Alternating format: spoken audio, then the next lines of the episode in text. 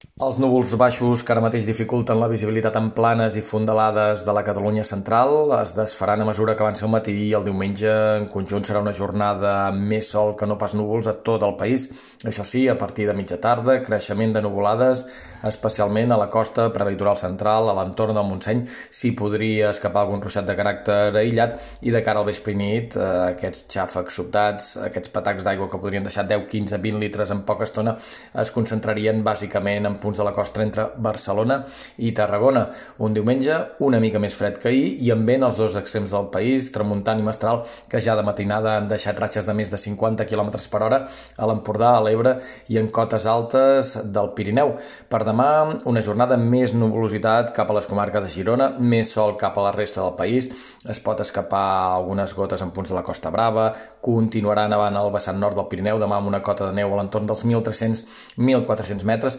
Aquest descens tèrmic es confirmarà i s'accentuarà de cara als propers dies el vent bufarà els dos extrems del país fins dimecres, però en conjunt la setmana vinent serà una jornada pràcticament sense precipitacions en lloc.